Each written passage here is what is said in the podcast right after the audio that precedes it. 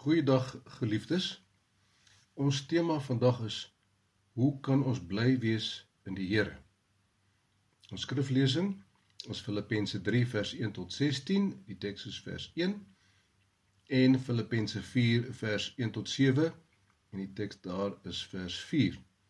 Hierdie oordeenking is saamgestel met verwysing na aantekeninge in die Bybel en praktyk en dagstukkies van Dominee Renold Fourie en Dr. Dan Fouché.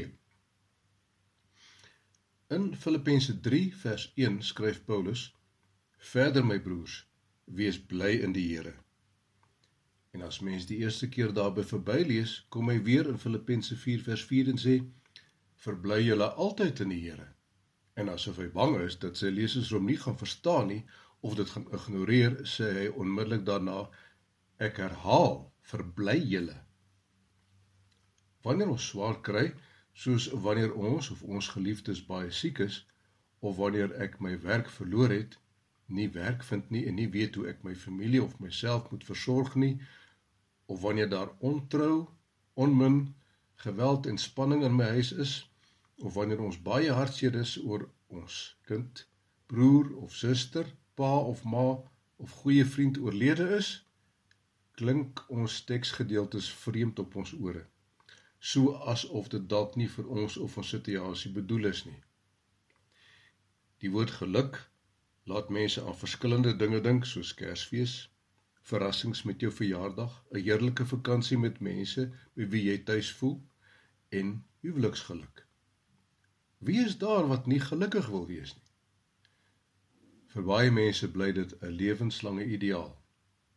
En dan wanneer dinge skeefloop, soos in die voorbeeld hierbo, Watter uitwerking het dit op jou?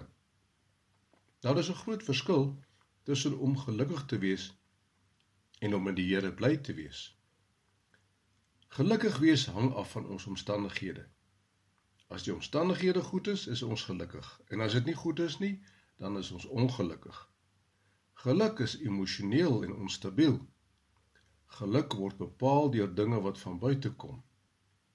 Blydskap in die Here egter is stabiel. Dit is nie emosioneel nie. Dit is iets wat van binne kom. Dit is 'n geskenk van God deur sy Gees. Dis inderdaad een van die vrugte van die Heilige Gees waarvan ons lees in Galasiërs 5:22. Die brief aan die Filippense is Paulus se blydskapsbrief. Die gemeente in Macedonië was vir Paulus 'n bron van groot bemoediging. Hulle was vir hom 'n bron van blydskap. Dit word ook as 'n blydskapsbrief beskryf, aangesien dit die ware Christelike blydskap beklemtoon. Paulus skryf tot 16 keer van blydskap of verblyding. In Filippense 4 vers 4 is die hoogtepunt. Wees altyd bly in die Here. Ek herhaal, wees bly. Ons moet daarop let dat Paulus hierdie brief en hierdie woorde nie uit 'n posisie van gerief en weelde skryf nie. Nee, Dit is uit die tronk wat Paulus dit skryf. Verder skryf hy nie wees gelukkig of wees bly nie. Nee, hy skryf wees bly in die Here. Paulus het sy vreugde daarin gevind om hom in te span om Christus te ken en die krag van sy opstanding te ondervind.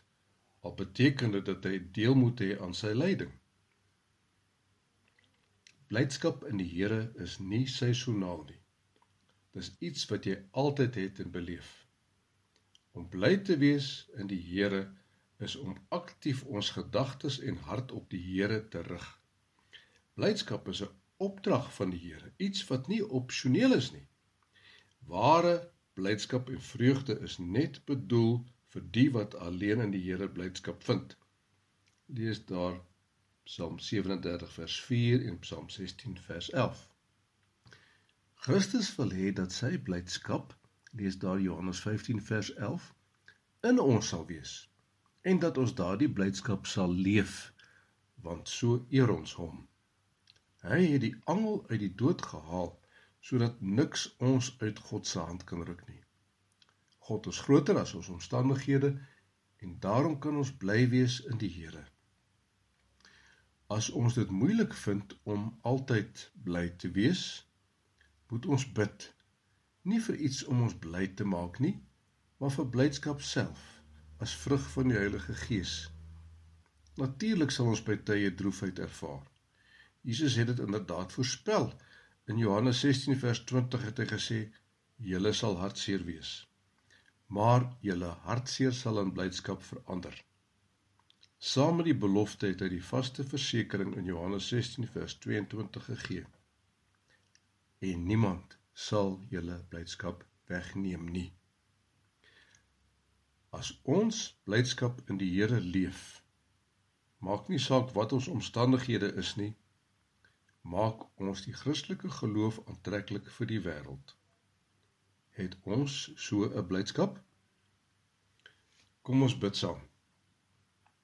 Ons almagtige Here en Vader in die hemel, ons dank U vir U woord wat aan ons die opdrag gee om in U bly te wees. Uit onsself, dit weet ons, kan ons dit nie regkry nie.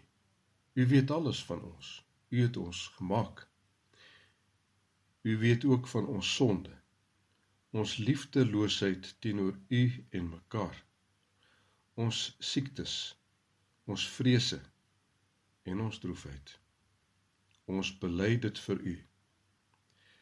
Ons bid vir die inwerking en krag van U Heilige Gees om ons in U bly te maak. Ons dankie dat U ons gebed verhoor.